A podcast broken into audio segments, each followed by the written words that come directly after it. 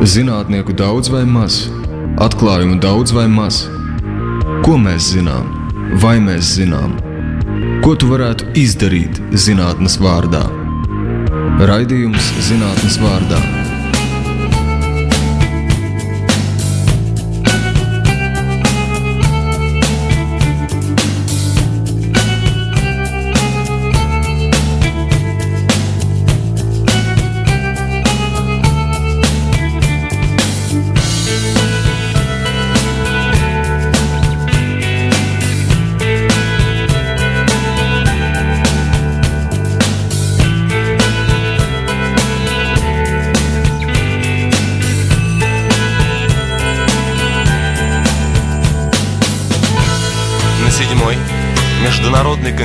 конференции в Гааге наша делегация выступила с пакетом конструктивных предложений, направленных на углубление процесса интеграции в Европе.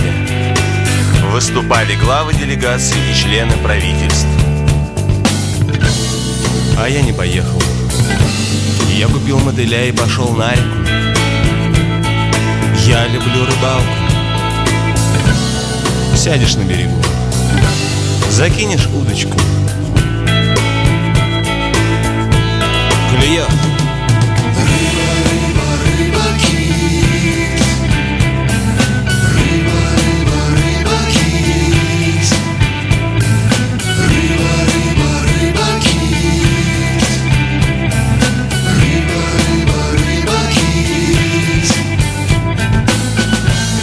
На восьмой международной конференции в Праге Наша делегация выступила с пакетом конструктивных предложений, направленных на углубление процесса интеграции в Европе.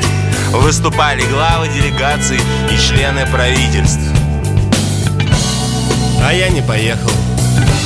Я купил мотыля и пошел на реку. Я люблю рыбалку. Сядешь на берегу, закинешь удочку – yeah.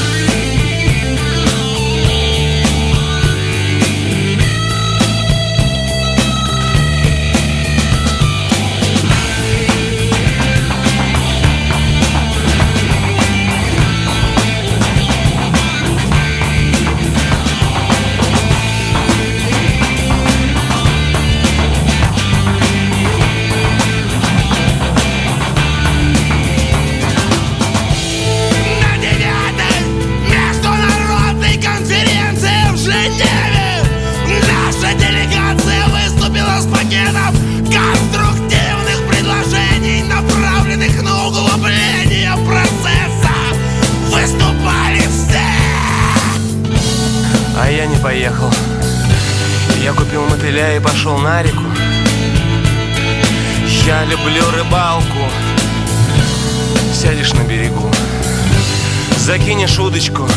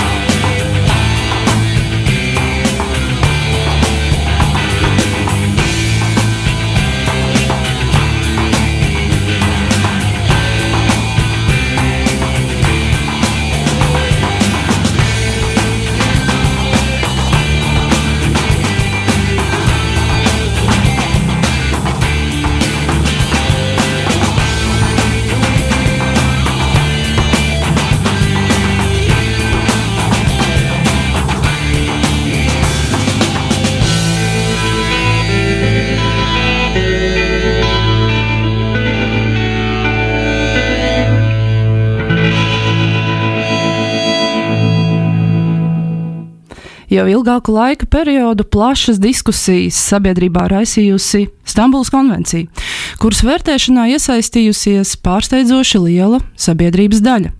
Sākot ar politisko partiju biedriem līdz pat marginālu reliģisko organizāciju aktīvistiem. Šajās diskusijās savu redzējumu par strīdu sābolu, ja varam to tā nosaukt, piedāvāja arī Latvijas zinātniskās vides pārstāvji. Taču pirms neilga laika šajā vidē novērojama pamatīga šķelšanās. Īsi ieskats notikušajā. Šī gada aprīlī Latvijas Zinātņu akadēmijas humanitāro un sociālo zinātņu nodaļa organizēja ekspertu koncīliju ar nosaukumu par Stambulas konvenciju, kuras mērķis vismaz kā sākotnēji Zinātņu akadēmijas mājaslapā tika norādīts, ir izvērtēt Stambulas konvencijas darbības jomu un nozīmi Latvijā. Koncīlijas slēdzienu plānots nodot valsts atbildīgajām institūcijām, ekspertiem un plašsaziņas līdzekļiem. Tomēr, reaģējot uz šajā slēdzienā ietverto ieteikumu atlikt konvencijas ratificēšanu, kā arī norādot uz virkni nepilnībām tā tapšanā, 33 Latvijas zinātnieki un pētnieki izplatīja atklātu vēstuli, kurā kritizēts gan slēdziena teksts, gan tā konstruēšanas veids. Un šis notikums, mūsuprāt, ir aktualizējis jautājumu par to, kas īsti būtu uzskatāms par ekspertu un kādiem kritērijiem jāatbilst viņa paustajam viedoklim.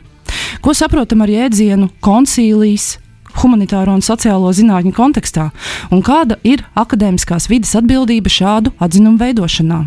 Kādu iemeslu dēļ no koncīlijas slēdziena norobežojas arī tie eksperti, kuri paši piedalījušies tā tapšanā.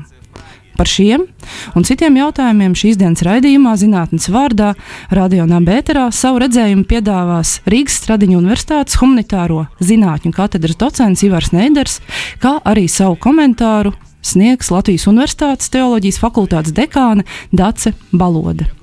Mans vārds ir Aija, un turpmāko stundu Radio Nabērā būšu kopā ar savu raidījumu kolēģi Latvijas Universitātes profesoru Ivaru Austeru. Un kā jau ierasts, raidījuma zinātnes vārdā muzikālo noformējumu veido tematiski piemērotas dziesmas.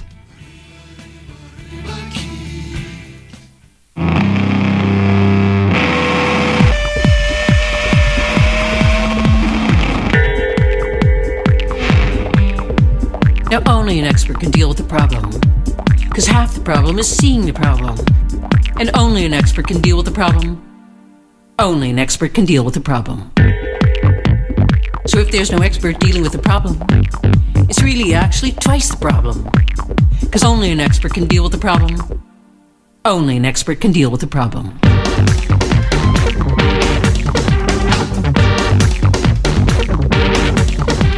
In America, we like solutions. We like solutions to problems. And there's so many companies that offer solutions. Companies with names like the pet solution, the hair solution, the debt solution, the world solution, the sushi solution. Companies with experts ready to solve these problems. Because only an expert can see there's a problem, and only an expert can deal with the problem. Only an expert can deal with the problem.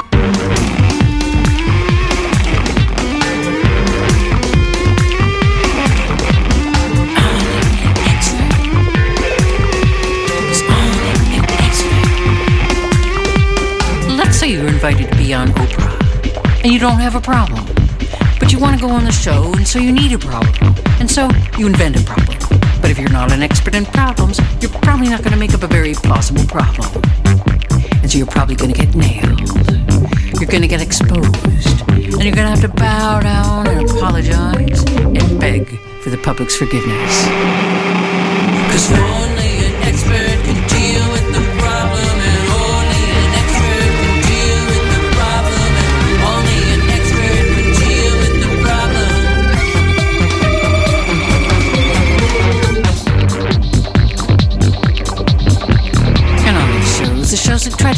problems, the big question is always how can I get control?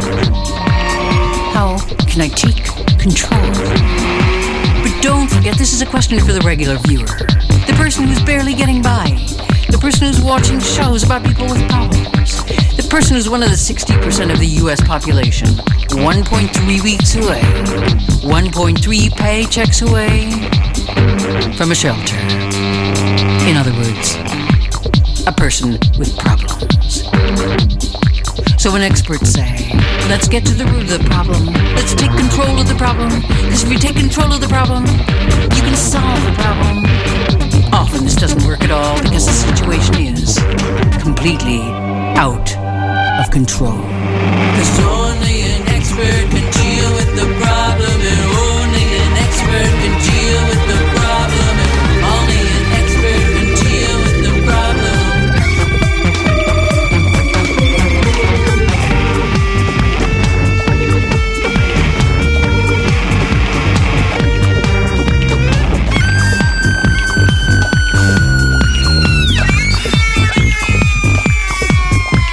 Now, sometimes experts lend you money, and sometimes they lend you lots of money.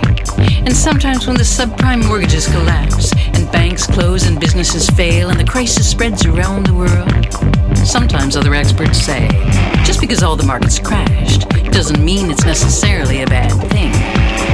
And other experts say just because all your friends are fired and your family's broke and we didn't see it coming doesn't mean that we were wrong. Just because you lost your job and your house and all your savings doesn't mean that you don't have to pay for the bailouts, for the traders and the bankers and the speculators. Because only an expert can design a bailout, and only an expert can expect a bailout. Because only an expert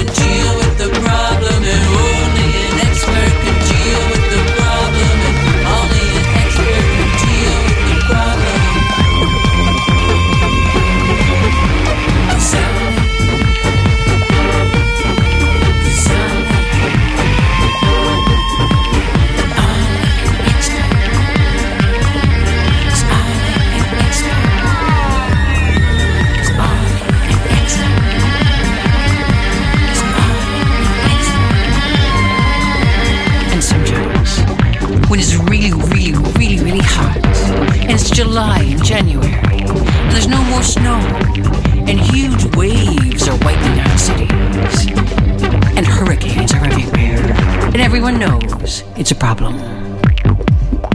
But if some of the experts say it's no problem, and if other experts claim it's no problem, or explain why it's no problem, then it's simply not a problem.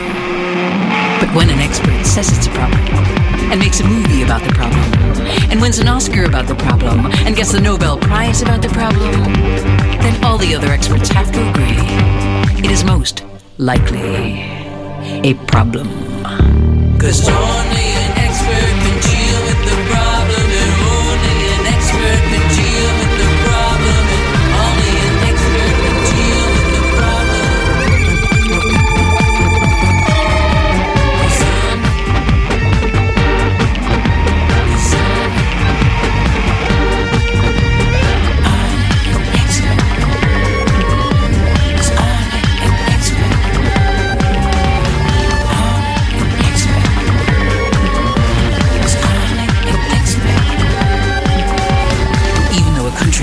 Can invade another country and flatten it and ruin it and create havoc and civil war in that other country, if the experts say it's not a problem, and everyone agrees they're experts and good at seeing problems, then invading those countries is simply not a problem. And if a country tortures people and holds citizens without cause or trial and sets up military tribunals, this is also not a problem. Unless there's an expert who says this is the beginning of a problem.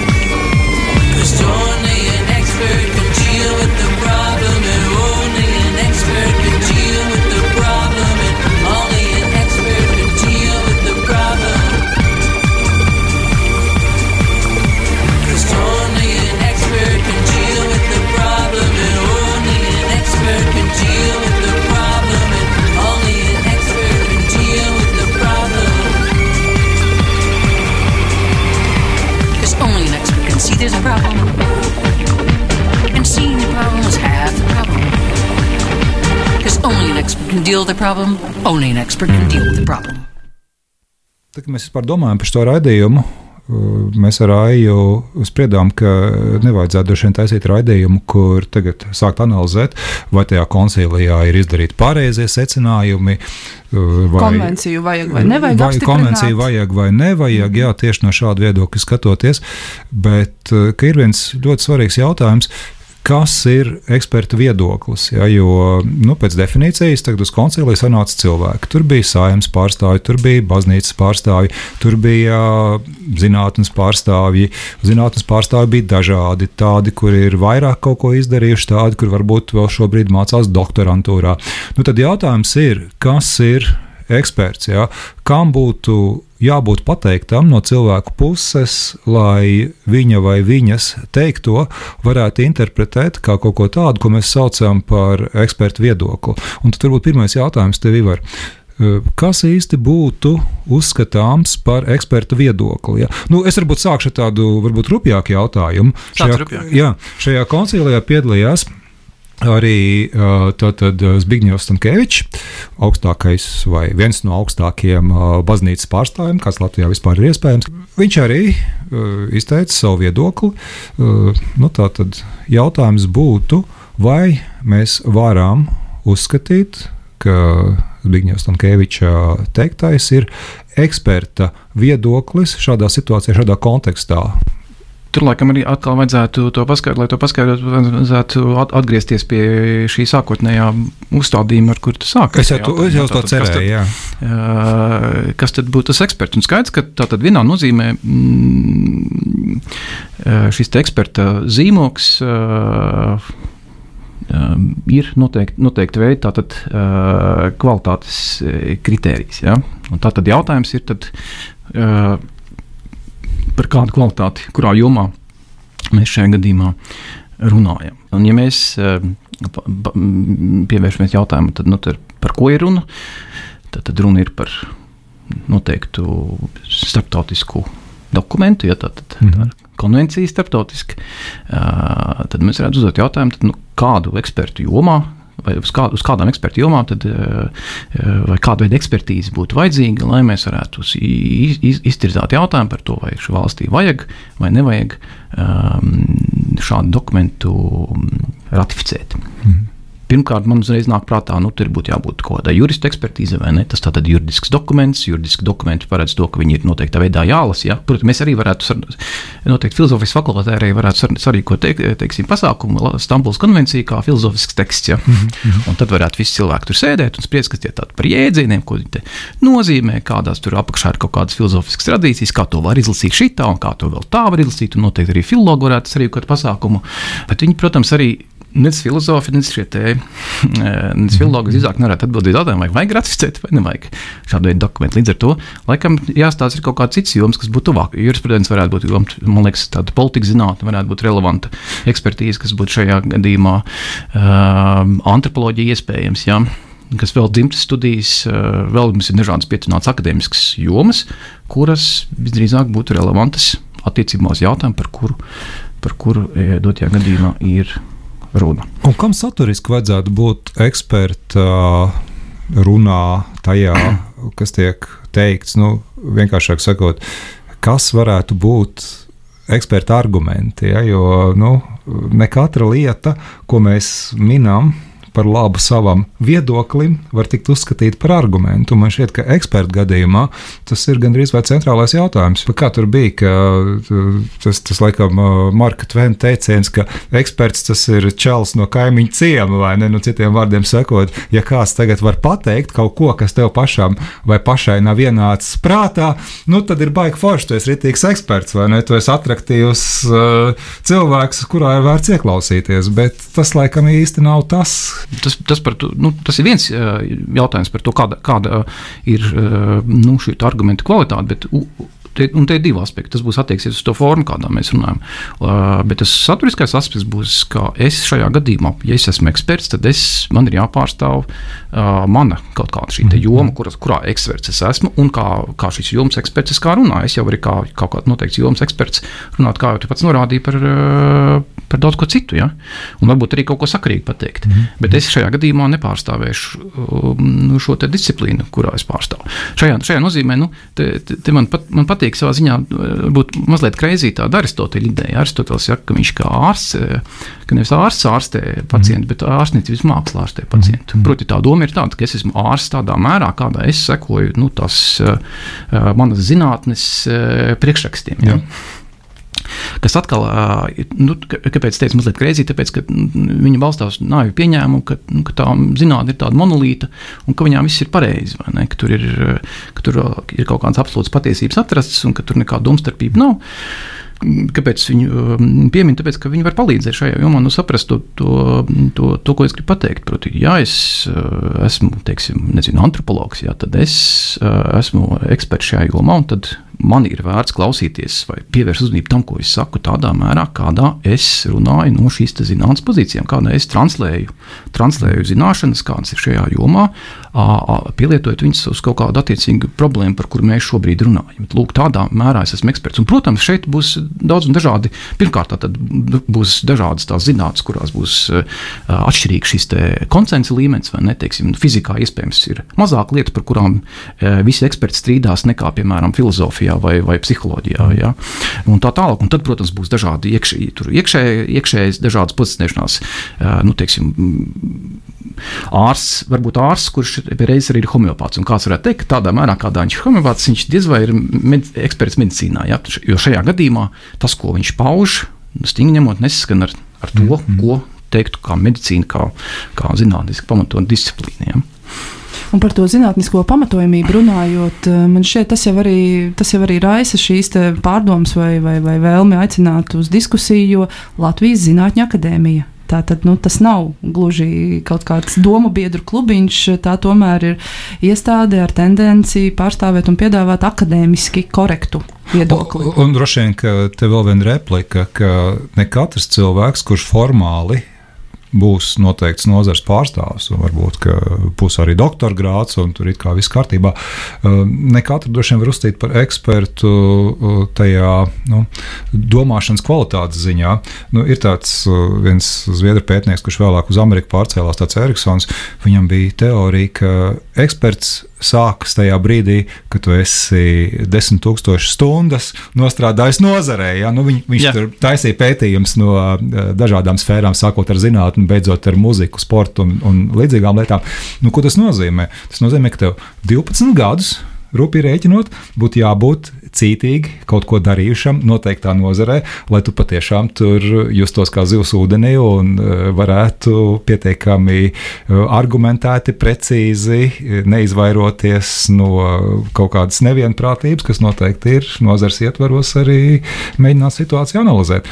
Un, un tur jau ir vēl šī skaistā lieta, ka eksperti domā, ne jau kvantitatīvi atšķirīgi no parasta cilvēka, kurš nozarē neko nesaprot. Viņi domā kvalitatīvi atšķirīgi.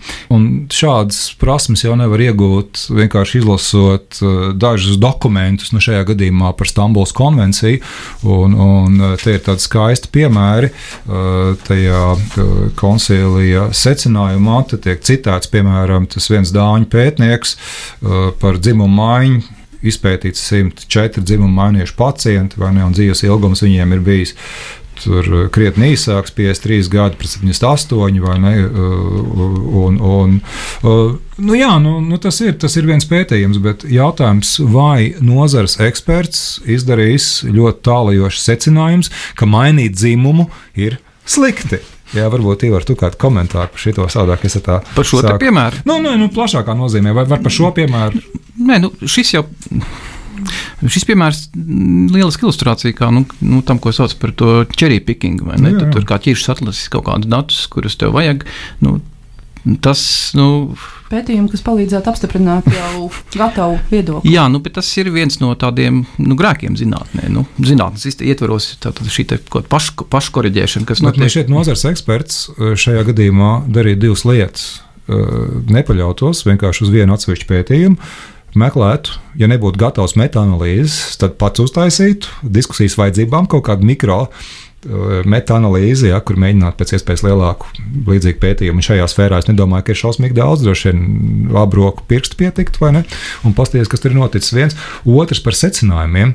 Ja tie cilvēki ir nodzīvojuši vidēji 53 gadus, nu uzreiz ir alternatīva hipotēze, kā būtu, ja viņi nebūtu mainījuši dzīvumu, dzimumu, vai ne? Varbūt viņi vispār būtu nodzīvojuši 25 gadus. Mēs nezinām, kas ir pētījumi, bet mēs redzam, ka tur ir, ka tur ir izmantots, ka tur cilvēks argumentē no korelācijas, mēģina izsākt uh, noteiktu veidu cēlonību. Kas vienmēr ir aizdomīgi. Ja. Kā Līva, es nevaru nocīsties paprasīt, tev- tu pēdējā laikā esi nu, esi gan runājis, gan rakstījis par to Dunīna-Krīgera efektu. Ja?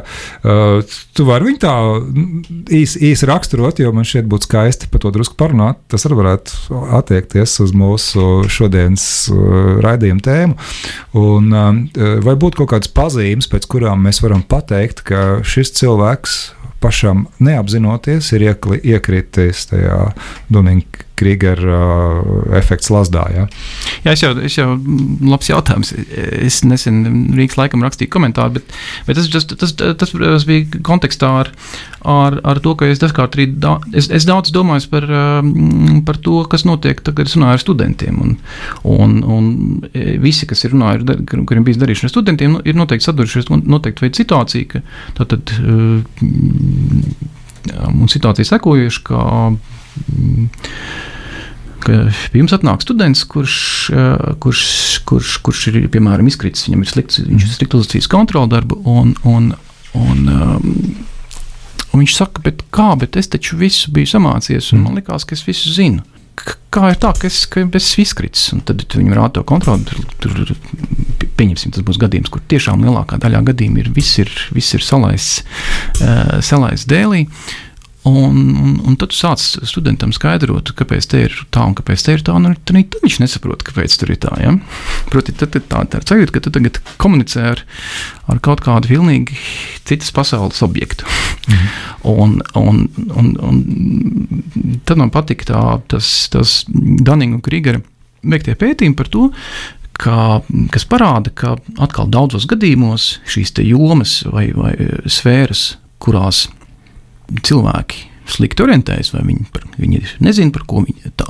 Viņiem ir vajadzīgs, lai, lai viņi šo savu nezināšanu apzinātos, viņiem ir vajadzīgs tieši tādas prasmes, lai veiksmīgi šajā jomā funkcionētu. Ja, nu, tipisks piemērs, ja, ja, ja es uh, pilnīgi nesaprotu, ko nozīmē loģiski pareizs arguments, tad es arī nevarēšu novērtēt savus argumentus, cik viņi loģiski pareizi, nepareizi, un citu cilvēku argumentus, vai viņi ir pareizi, nepareizi. Un, attiecīgi, ja man kāds teiks, ka mans arguments nav pareizs, tad es arī nesapratīšu īsti, uh, par ko ir runa. Un, un, un, un, un tie, tie pētījumi dažādie, kurus, kurus Grugers un, un, un Danīgs veids, viņi parādīja, ka šeit pastāv noteikti veida asimetrija. Jo es mazāk zinu, -hmm. jo man ir lielāka pārliecība par to, ka ka es zinu labi. Ja? -hmm. un, un, attiecīgi, aiziet tātad, ja es ļoti labi zinu, tur bija tas viens, viens, viens no pētījumiem par, par studentu, studentu sniegumu eksāmenā. Viņiem, viņiem, viņiem pēc eksāmeniem prasīja, nu, tātad, kā viņiem liekas, cik viņi labi pārzina vielu, kā viņiem šķiet, cik daudz uh, jautājumus atbildējuši pareizi un kāda viņiem tur būs tā atzīme. Ja?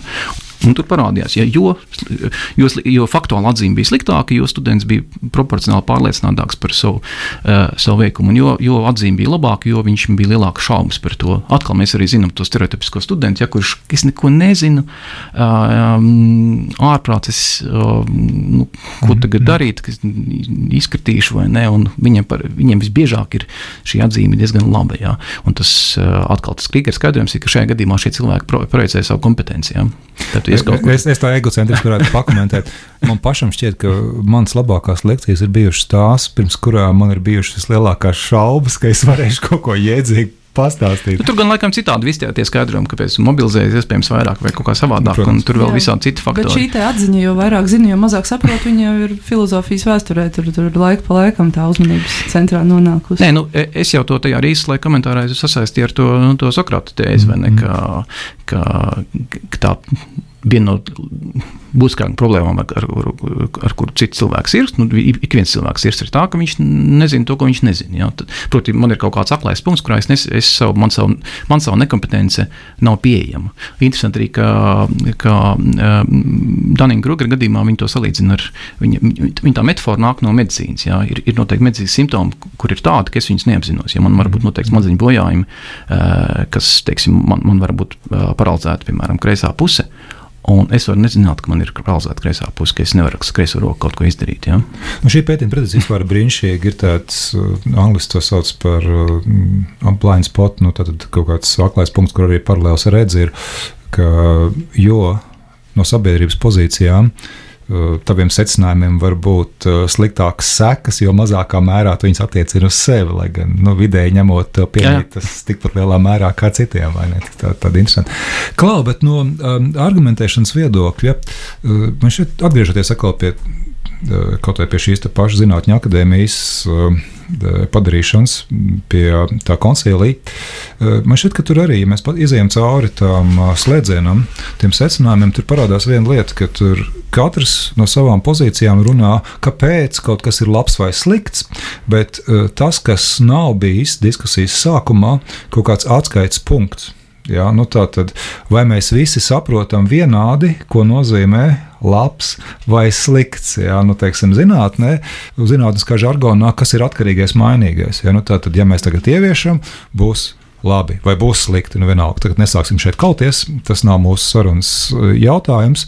Bet ko nozīmē labi vai slikti, kas ir labuma vai sliktuma eh, kritērijs? Bet šajā konkrētajā gadījumā tas, kas man vairāk pārsteidz, bija tas, uh, nu, tas retoriskais piesārņojums, kas tajā tekstā ir. Tur ir ļoti daudz retorikas, kurai nav sakara ne ar kādu, ne ar nekādu akadēmisku skatījumu. Ja? Tur tiek lietoti kaut kādi tādi, nu, tādi nu, dažādu, dažādu jau pozicionējušos organizāciju žargons, ja, tā, tur, tā, tur ir atsauce uz, uz kaut kādu svešu ideoloģiju un tam līdzīgi. Nu, kas tas tāds akadēmiskā tekstā, kāda sveša ideoloģija? Ka, sakot, tas teksts ir būvēts kā kaut kāds ideoloģisks teksts. Kas, manuprāt, uzreiz viņa diskreditē momentā, kā kaut kāda veida akadēmisku analīzi. Ja? Nu, viņa, viņš, viņš tā teikt, neapzina, viņam vajadzētu sevi apzināties, ka lūk, mēs tagad stāvam šitādās pozīcijās, un viņas ir kaut kādā veidā. Nu, tad, no kādas, no kādas, no kādas skatu punkta mēs tagad viņu rau, raugamies. Ja, bet, bet mm, tur ir ļoti daudz dažādu ideoloģisku klišeju.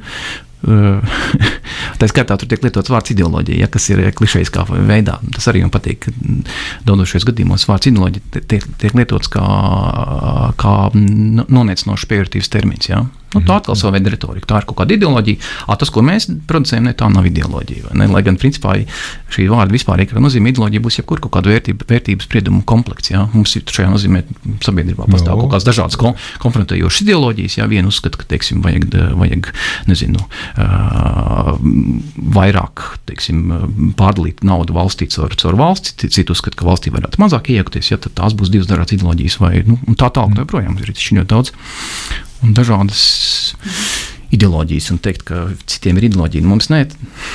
Jā, es vēlos piebilst, ka sazinājāmies gan ar Latvijas Zinātņu akadēmijas pārstāvjiem, kuri no komentāru sniegšanas atteicās, gan ar ekspertu koncīliju organizatori Raitu Kārnīti, ar kuru vienojāmies par noteiktu laiku komentāru ierakstam, bet Adresāts pašreiz nav sasniedzams. Lai adresātam nosūtītu jūsu apmaksātu izziņu par šo zvanu, lūdzu sagaidiet signālu. Jūsu zvans ir reģistrēts. Adresāts, kuram jūs zvanāt, saņems izziņu ar informāciju par jūsu zvanu. Koncilija organizatoru viedokli tomēr mēģināsim vismaz rakstiskā formātā iekļaut raidījuma aprakstā, radionāba arhīvā. Savukārt sasniedzama bija viena no ekspertēm, kas eh, piedalījās gan ekspertu koncīlijā, un vēlāk arī parakstīja atklāto vēstuli, proti Runa ir par Latvijas Universitātes teoloģijas fakultātes eh, dekāni Daci Balodi. Aicinu šī brīdī noklausīties viņas komentāru par radušos situāciju. Koncilijas laikam ir tas vārds, kas parasti tiek lietots medicīnā, kur um, mediķi kā eksperti sanāk kopā un izsaka savu slēdzienu par, um, acīm redzot, kādu slimības um, situāciju. Um, protams, ir jautājums, ko koncilijas dara humanitāro un sociālo zinātņu um, jomā. Kā es, tos, kā es izpratu šī koncīlija uzdevumu, ir izteikt savu viedokli, akadēmisku viedokli par um, sabiedrībā aktuāliem jautājumiem. Pats par sevi tas varētu būt uh, labs piemērs vai, vai laba ideja, kā arī akadēmiķi uh, ātrā veidā var reaģēt uz to, kas sabiedrībā notiek. Um, ņemot vērā to, ka tomēr akadēmisks darbs prasa diezgan lielu laiku, parasti, lai, lai jautājums tiktu izpētīts. Un, un līdz ar to varbūt kādreiz tās reakcijas nāk vēlāk, tad tāds koncilijas varētu izteikties ātrākā veidā par kaut kādu jautājumu. Tomēr tieši tā, te, lai varētu kvalitatīvi izteikties par kaut ko, akadēmiskā veidā, tas prasa zināmu piepūli un prasa uh, izpētīt noteiktu jautājumu.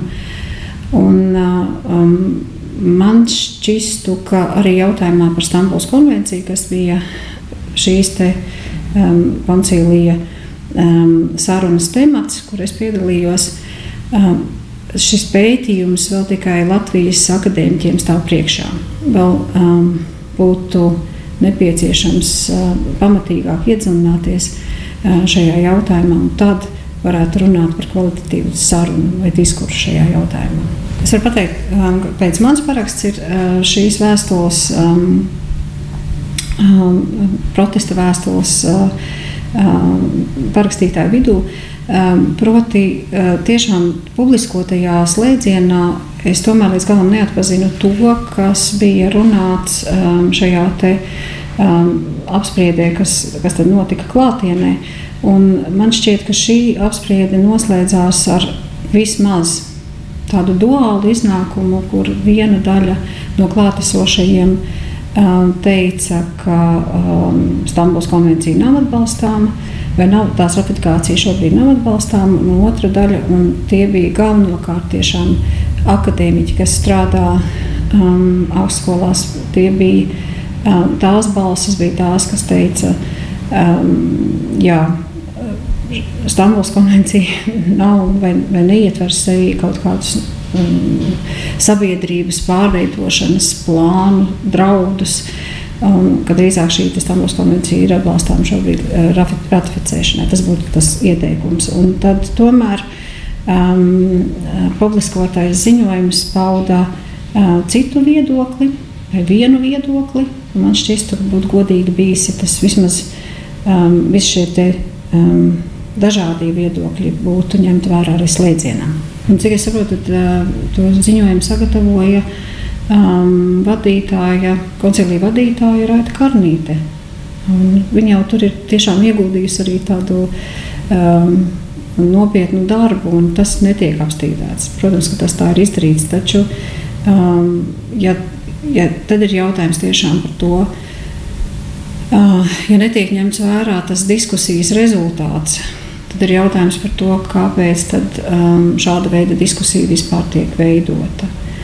Var jau būt, ka patiešām kvalitatīvāks būtu citāds formāts, varbūt rakstisks formāts, kur uh, var izteikties dažādi akadēmiķi, um, un tad arī nav pārpratumu beig beigās, kas um, kas varbūt radās šādā veidā, kad jāapkopo ir um, diskusija, kas ir notikusi varbūt diezgan emocionālā veidā, um, klātesot uh, dažādiem. Um, no dažādiem cilvēkiem.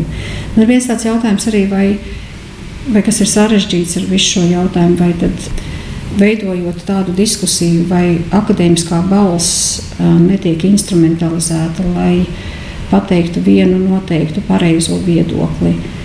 Ja tas tā būtu, tas patiešām būtu skumji priekš mūsu um, akadēmiskās vidas, jo tas ir tiešām pretrunā ar visu akadēmisko brīvību un godīgumu. Uh, un, un tam nevajadzētu patiešām notikt, un tam nav vietas. Uh, vienalga, vai tas būtu tāds koncilijas vai kāda cita apspriede. Um, ja tas tā tomēr ir tās bīstamība pastāv, tad mans uh, vērtējums vai ieteikums būtu drīzāk šādas koncilija sēdes vai, vai tādu procesu vispār nenoturēt, jo viņš ir, jo tur ļoti viegli var ieslīdēt tādā subjektivitātē. Uh, ir, mēs redzam jau, nu, nu jau ilgāku laiku, ka jautājums par Stambulas konvenciju tiešām ir tāds um, skars diskusiju um, iemesls um, plašākā sabiedrībā, kristīgā vidē. Un, nu, jau mēs varam teikt, arī tas ir zināmā mērā veidojis tādu plaisu starp uh, akadēmiski strādājošiem cilvēkiem. Un te man liktos, um, būtu ļoti gudri no akadēmiķiem pašiem, ka mēs kā tāds piemērs um, varētu būt tam, ka um, spējam veidot atklātu un godīgu diskusiju. Un tas būtu mans vēlējums, ka uh, varbūt vai nu vēlreiz sanākt kopā, vai kādā citādā formātā mēs varētu sanākt kopā un kā akadēmiķi, um, balstoties tiešām uz um, metodoloģisku argumentāciju, sarunāties viens ar otru, ņemot vērā, ka mūsu viedokļi var atšķirties. Un, um, ņemot vērā arī to, ka um, mums viens otru nav jāpārliecina ar emocionāliem belzieniem, bet gan um, patiešām ar, ar izsvērtiem argumentiem, kas var kalpot mums pašiem un visai sabiedrībai. Un uh, tā nu pat, uh, kā jau varējām dzirdēt, izskanēja Latvijas Universitātes uh, teoloģijas fakultātes dekāns Dācis Balodas, kur arī bija iesaistījusies šajā diskusijā viedoklis par notikušo un pāris tādi, nu, jā, tādi pieturas punkti minēti. Varbūt īsumā kādi komentāri no jūsu puses. Nu, es tam gribētu piekrist tam, ko Balodas kundze teica tur pašā nobeigumā. Pievienot no sevis uh, sekojošu lietu, kā um, šķiet dīvaini, ja rīkot akadēmisku diskusiju par jautājumu, kas ir, kas pēc savas būtības ir politisks jautājums. Tātad jautājums par to, vai, vajag, vai, ne, vai nevajag ratificēt Stambulas konvenciju, ir, ir politisks jautājums, tātad, kur mums, teikt, valstī ir jāizšķiras, vai mēs gribam. Tā teikt, šāda veida izmaiņas, vai, vai šādi, š, š, risināt noteikti šāda veida problēmas, šādā veidā, vai, vai, vai negribam. Ja? Un tas nav akadēmisks jautājums, protams, dažādiem cilvēkiem, tā skaitā akadēmiķiem, varētu būt uh, savs viedoklis, bet šajā nozīmē tas viņa viedoklis būs ne jau kā akadēmiķa viedoklis. Un šeit, šeit uh, es atkal gribu pievienoties Balodas kundzes bažām par to, ka šādā veidā uh, zinātnieki tiek padarīti par instrumentu politiķu spēlēs, vai, ne, tad, vai noteikti politisku spēku spēlēs, kuri, kuri kuri grib šādā veidā leģitimizēt savu pozīciju, sameklēt kaut kādu šādu pamatojumu no, no zinātnieku puses. Ja. A, kas būtu zinātnieku jautājums šajā gadījumā? Vai, vai, vai mēs varam pārvērst to, kas tur notiek, par zinātnīs jautājumu? Tur, tur varētu būt daudz zinātnisku vai faktuālu. Taču ir daudz, nu, konvencija, daudz tās tēzes balstās uz kaut noteiktiem pieņēmumiem. Jā, teiksim, pieņēmumi, ka teiksim, vardarbība ir saistīta ar šo dzimumu nevienlīdzību. Tas būtu, tas ir ir, mēs, tā ir tēze, kas ir pārbaudāma, vai kurai vajadzētu būt pārbaudāmai, kur ir kaut kāda pētījuma. Mēs varam spriest par to, vai tā ir, vai tā nav. Juridiskā dokumentā lietots termins, uh, kurš juridiskā dokumenta ietvaros parasti ir nodefinēts, un tur tā viņš lieto. Atkal, man šķiet, tas ir nu, kaut kāda. Nē, mēs, protams, varam diskutēt par to, ko mums darīt akadēmiskā vidē ar angļu vārdu gender. Brīnišķīgi varam diskutēt, bet tam nav tiešā veidā nekāda sakara ar to, kā šis jēdziens tiek izmantots vai lietots juridiskā dokumentā. Ja mēs runājam par kaut kādu šīs te, te teoriju iznešanu tautās, ne, tad tur gan ir uzreiz ir lērums problēma, tāpēc ka, tāpēc, ka tā tēma tā ir nu, teikt, ar noteiktu veidu šo ideoloģisko uzslāņojumu, vai, vai kā lai nezinu, savādāk to apraksta. Uh, nu, viņi, ir, viņi ir noteiktā veidā sensitīva tēma, kas izraisīs, kurā, kurā cilvēki ir jau pozicionējušies, un, un, un tas nekādā veidā, vārdiem sakot, šī iemesla dēļ tās pārpratumus laikam nemazinās. Tas varētu raisīt kaut kādas diskusijas, un iespējams, ka daudziem cilvēkiem nu, tas varētu palīdzēt saprast. Bet vai tas, es šaubos, vai, tas, vai, vai, vai mēs varētu nu, šādā veidā atrisināt kaut kādas domstarpības pavisam un uz visiem laikiem. Tas... Diskusija pat par sevi jau nepad, ne, nepadara izpratni labāku, ja ir tādi. Ne, ne. Daudz nē. Mans jautājums drīzāk ir par kaut ko citu. Vai nav tāda situācija, ka zinātnieki pieslēdzas kaut kādiem jautājumiem klāt tajā brīdī, kad jau ir pēdējais punkts sasniegts un ka ir redzams jau, ka pil- pilnīgs uh, aplamības notiek? Jo arī mēs, mēs, mēs datus teiktajā varējām dzirdēt, ka visi bija aicināti. Bija izsūtīts uzaicinājums, bija šķietami, nu tomēr labi, mēs varam diskutēt par, par šī saziņas kultūras kvalitāti starp Zinātņu akadēmiju un kaut kādiem cilvēkiem, kuriem būtu vērts piedalīties šajā ekspertu koncīlijā, eh, bet nu, vai viņi pietiekami aktīvi parādās publiskajā telpā, tajā, kuras mums visur ir sociālajos tīklos, vēl, vēl šajās diskusijās, fórumos, eh, Facebook, kaut kādās Raugā, lapās. jā. Tu, mums jau Ivars ļoti labi nolasīja tādu mikro lekciju par uh, Dunīga uh, Kriegera efektu, vai ne? Un, un skaidrs, ka zinātnieki ir šie efekta upuri, vai ne? Nu, ja ir jāatbild uz tādiem ļoti nozīmīgiem jautājumiem, tu sāc domāt un, un uh, Nu, es mazliet tā provocējot, gribēju jautāt, vai tiešām mēs varam teikt, ka nu, tas ir cēlonis tai problēmai. Vai pati zinātniskā akadēmiskā vide, vai tie cilvēki, kas būtu tiesīgi izteikties par noteiktām tēmām, vai viņi izmanto šo te izteikšanās platformu? nu, Brīžos, kad ir redzams, ka sabiedrība acīm redzami tiek, sabiedrība tiek maldināta. Skaidrs, skaidrs, ka ir jāizmanto vairāk, jā, un, un, un ir milzīgi inerts ar to, kas notiek laboratorijās, un uh, cik gadi paiet, ka to uh, sāk izmantot plašāk sabiedrība. Mēs paņemsim teiksim, no psiholoģijas viedokļa, un tagad ir tāda modes lieta, ja šī tā pavirzīšana, ko angļuiski sauc par nudžingu, vai ne, tālērs dabūja Nobel prēmiju uh, pagājušajā gadā par šo lietu, vai ne. Bet cik gadi pagāja, uh, kopš tā tapa atzīta, ja, teiksim, Kānmans un Tvērs, kognitīvajā psiholoģijā tos pamatus tam ielika jau uh, 70. gadu sākumā. Pirms viņiem strādāja Herberts Simons 60. gados, ne, kas vispār bija politikas zinātnieks, bet kurš vairāk psiholoģijā strādāja. Nu, un, un pats Kānmans dabūja 2001. gadā Nobel prēmiju, nu, kas bija pirmā atzīšana, nu, tad aizgāja tas vilnis, vai ne? Nu, ko tas nozīmē? Gan 30 gadus vajadzēja, un ne jau, ka tie cilvēki nebūtu runājuši. Viņi reizēm kaut kur pamēģināja, kaut ko pateica, vai ne, bet tad ir pretestība, nesaprot, bet ir kaut ko svarīgāk jādara. Man ir eksperimenti jātaisa, man raksti jāraksta, vai ne? Un, un, protams, ka tajā ikdienas darba gūzmā tas ir daudz, daudz svarīgāk. Un ir ļoti reti tādi zinātnieki, kur ir vienlīdz labi savu ideju skaļā paušanā sabiedrībai un arī uh, savā ikdienas darbā, zinātnē. Nu, protams, ka jo, jo vairāk to dara, jo labāk. Tas, protams, arī citas prasmes ir. Nu, tad, Jā, jā, jā, viens ir jā. tas uh, tava laboratorija vai semināristu telpa, kurā tu tur diskutē, un otrs ir, ka tu izēji tā teikt, nu, agorā, jeb tirgu. Un tur Jo, un tās ir dažādas, uh, dažādu darbības lauki vai modes, kurā. Jo, jo, jo seminārs ar doktorantiem, tas tavs runas stils un veids būs pilnīgi cits, vai ne? Tā loma ir pilnīgi cita, vai ne? Ja tu tādā veidā sāks runāt tur uh, intervijā televīzijā, vai tādā veidā mēģinās rakstīt uh, avīžu rakstu, uh, tu vienkārši paliks nesaprasts. Un, uh, nu, kā tāds dīvainīgs, eksotisks tipiņš. vai ne?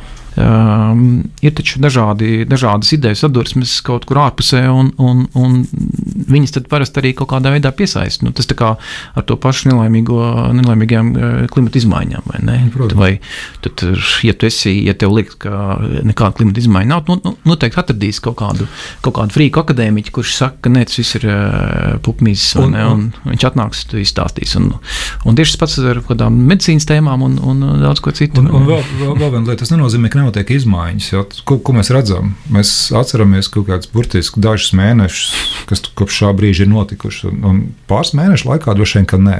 Bet, ja mēs varētu tagad savākt tādu datu kopumu, un principā mēs to varētu izdarīt, ja mēs gribētu, mēs pirms rādījuma bija šī pļāpājām ja, par to, ka varētu paiet atpakaļ eh, Facebookā, kā ir bijušas diskusijas par kādu jautājumu, kā tās ir notikušas pirms Nu, diviem, trim gadiem.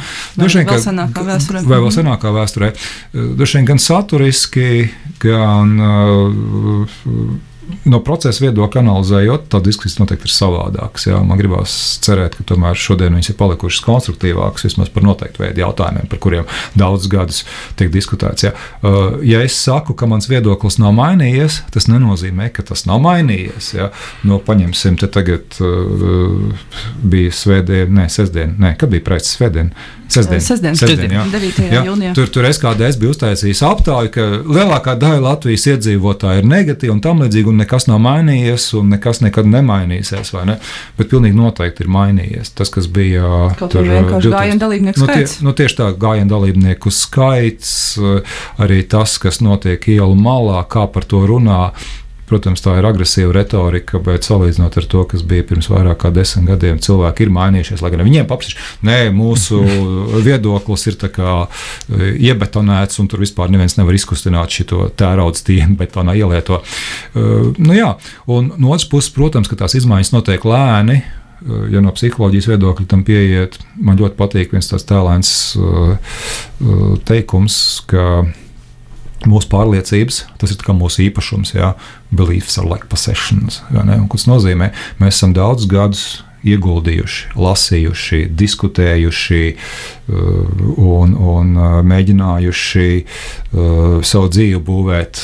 Balstoties uz noteiktiem pieņēmumiem, noteikti ideoloģiju. Nu, kā es tagad no tā atteikšos? Tas būtu kā atteikties no gandrīz izmaksāt uh, hipotekārā kredīta, vai ne? Vēl tur trīs mēnešus jāmaksā, māja būs tā, un tu, ah, nē, man nevajag, ejiet jūs ratā, vai ne? Es turos pie patiesības. Jā, nu, tas nav tik vienkārši. Kas man šķiet ir slikti, e, un tas ir slikts precedents, ir nu, šis koncilijas, un tas, tas slēdziens ir nu, tikpat slikts precedents kā, nu, kā tas līdzīgi kā tas koncilijas slēdziens par himnu. Mm. Nu, tas, e, man liekas, ka tas degradē zinātnes uh, prestižu. Cilvēki smējās vienkārši par to un ne, neuztver nopietni tādu. Nu, Tie būs kaut kādi tādi, kaut kādi, es atvainojos, nu, es nezinu, uh, dīvaini cilvēki, kaut kādas dīvainas Nu, jau tas- domas. Nu, tas kas tur stereotips, vai ne, par jā, jā, profesoru, Kaut kāds trakais profesors, Jā, jā, jā. kurš tur kaut kāds Ja, no atskaites punkta droši vien varētu būt arī tas, kas notiek vidusskolās, ja, jo, jo, jo nu, vienkārši faktu iemācīšanās nav gluži tas pats, kas uzmācīt eh, domāt. Ja. Nu, t- Man tas vienmēr ir šķitis interesanti, eh, kāpēc eh, skolā matemātikas stundās nepastāst to sākotnējo problēmu, kas ir bijusi aiz risinājumu. Ja, nu, teiksim, trigonometrija neradās vienkārši tāpat, vai ne, ka vajadzēja tagad izdomāt kaut ko pietiekami sarežģītu, kuru pēc tam daži trakie profesori izdomāja, kā pielietot aprēķinos, vai ne, bet ka bija otrādi, ka bija problēma, kur bija jāatrisina, un tāpēc tika radīta trigonometriskā domāšanas sistēma. Nu, teiksim, ja, ja, ja šādi domā, ka tā zinātne jau tomēr mēģina izskaidrot to, kas apkārt notiek, un ka ir uh, noteikti principi, un ka runāt par tiem zinātniskuma principiem, ja, ka tas nav gluži vienkārši man patīk, nepatīk. Ja, teiksim, E- es zinu, ka homeopātija man nostrādāja. Ja, nu, Ko nozīmē nostrādāt? Es nezinu, bet uh, tas bija baigi labi, ka es toreiz biju pie homeopātijas. Ja, nu, tas ikdienas domāšanas modelis. Nu, vienkārši mēģinot. Nu, tāds ļoti tāds apgaismības ideāls, tas, ko es tagad mēģinu stāstīt, ne?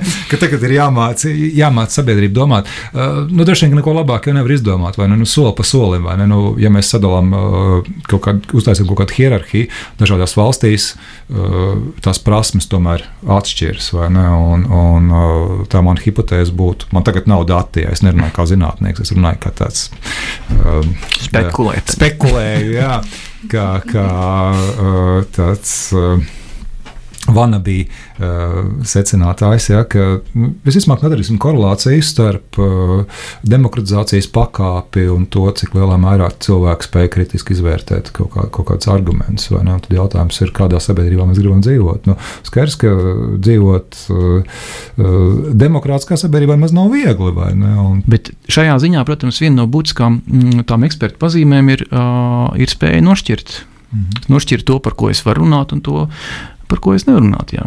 Vai tur, kur nu, tā, tad, ja es esmu. Ja es esmu eksperts vienā jomā, tad es zinu, kuras, kurās jomās es vairs neesmu eksperts un kurā, par kādiem jautājumiem tad, uh, es varbūt varu priekš sevis tā teikt, uh, spekulēt kaut ko un, un, un, un izklaidēties. Bet, bet tā ir būtiska mazīme. Paldies, paldies jums par sarunu, paldies jums par uh, viedokļiem, par, par pārdomām.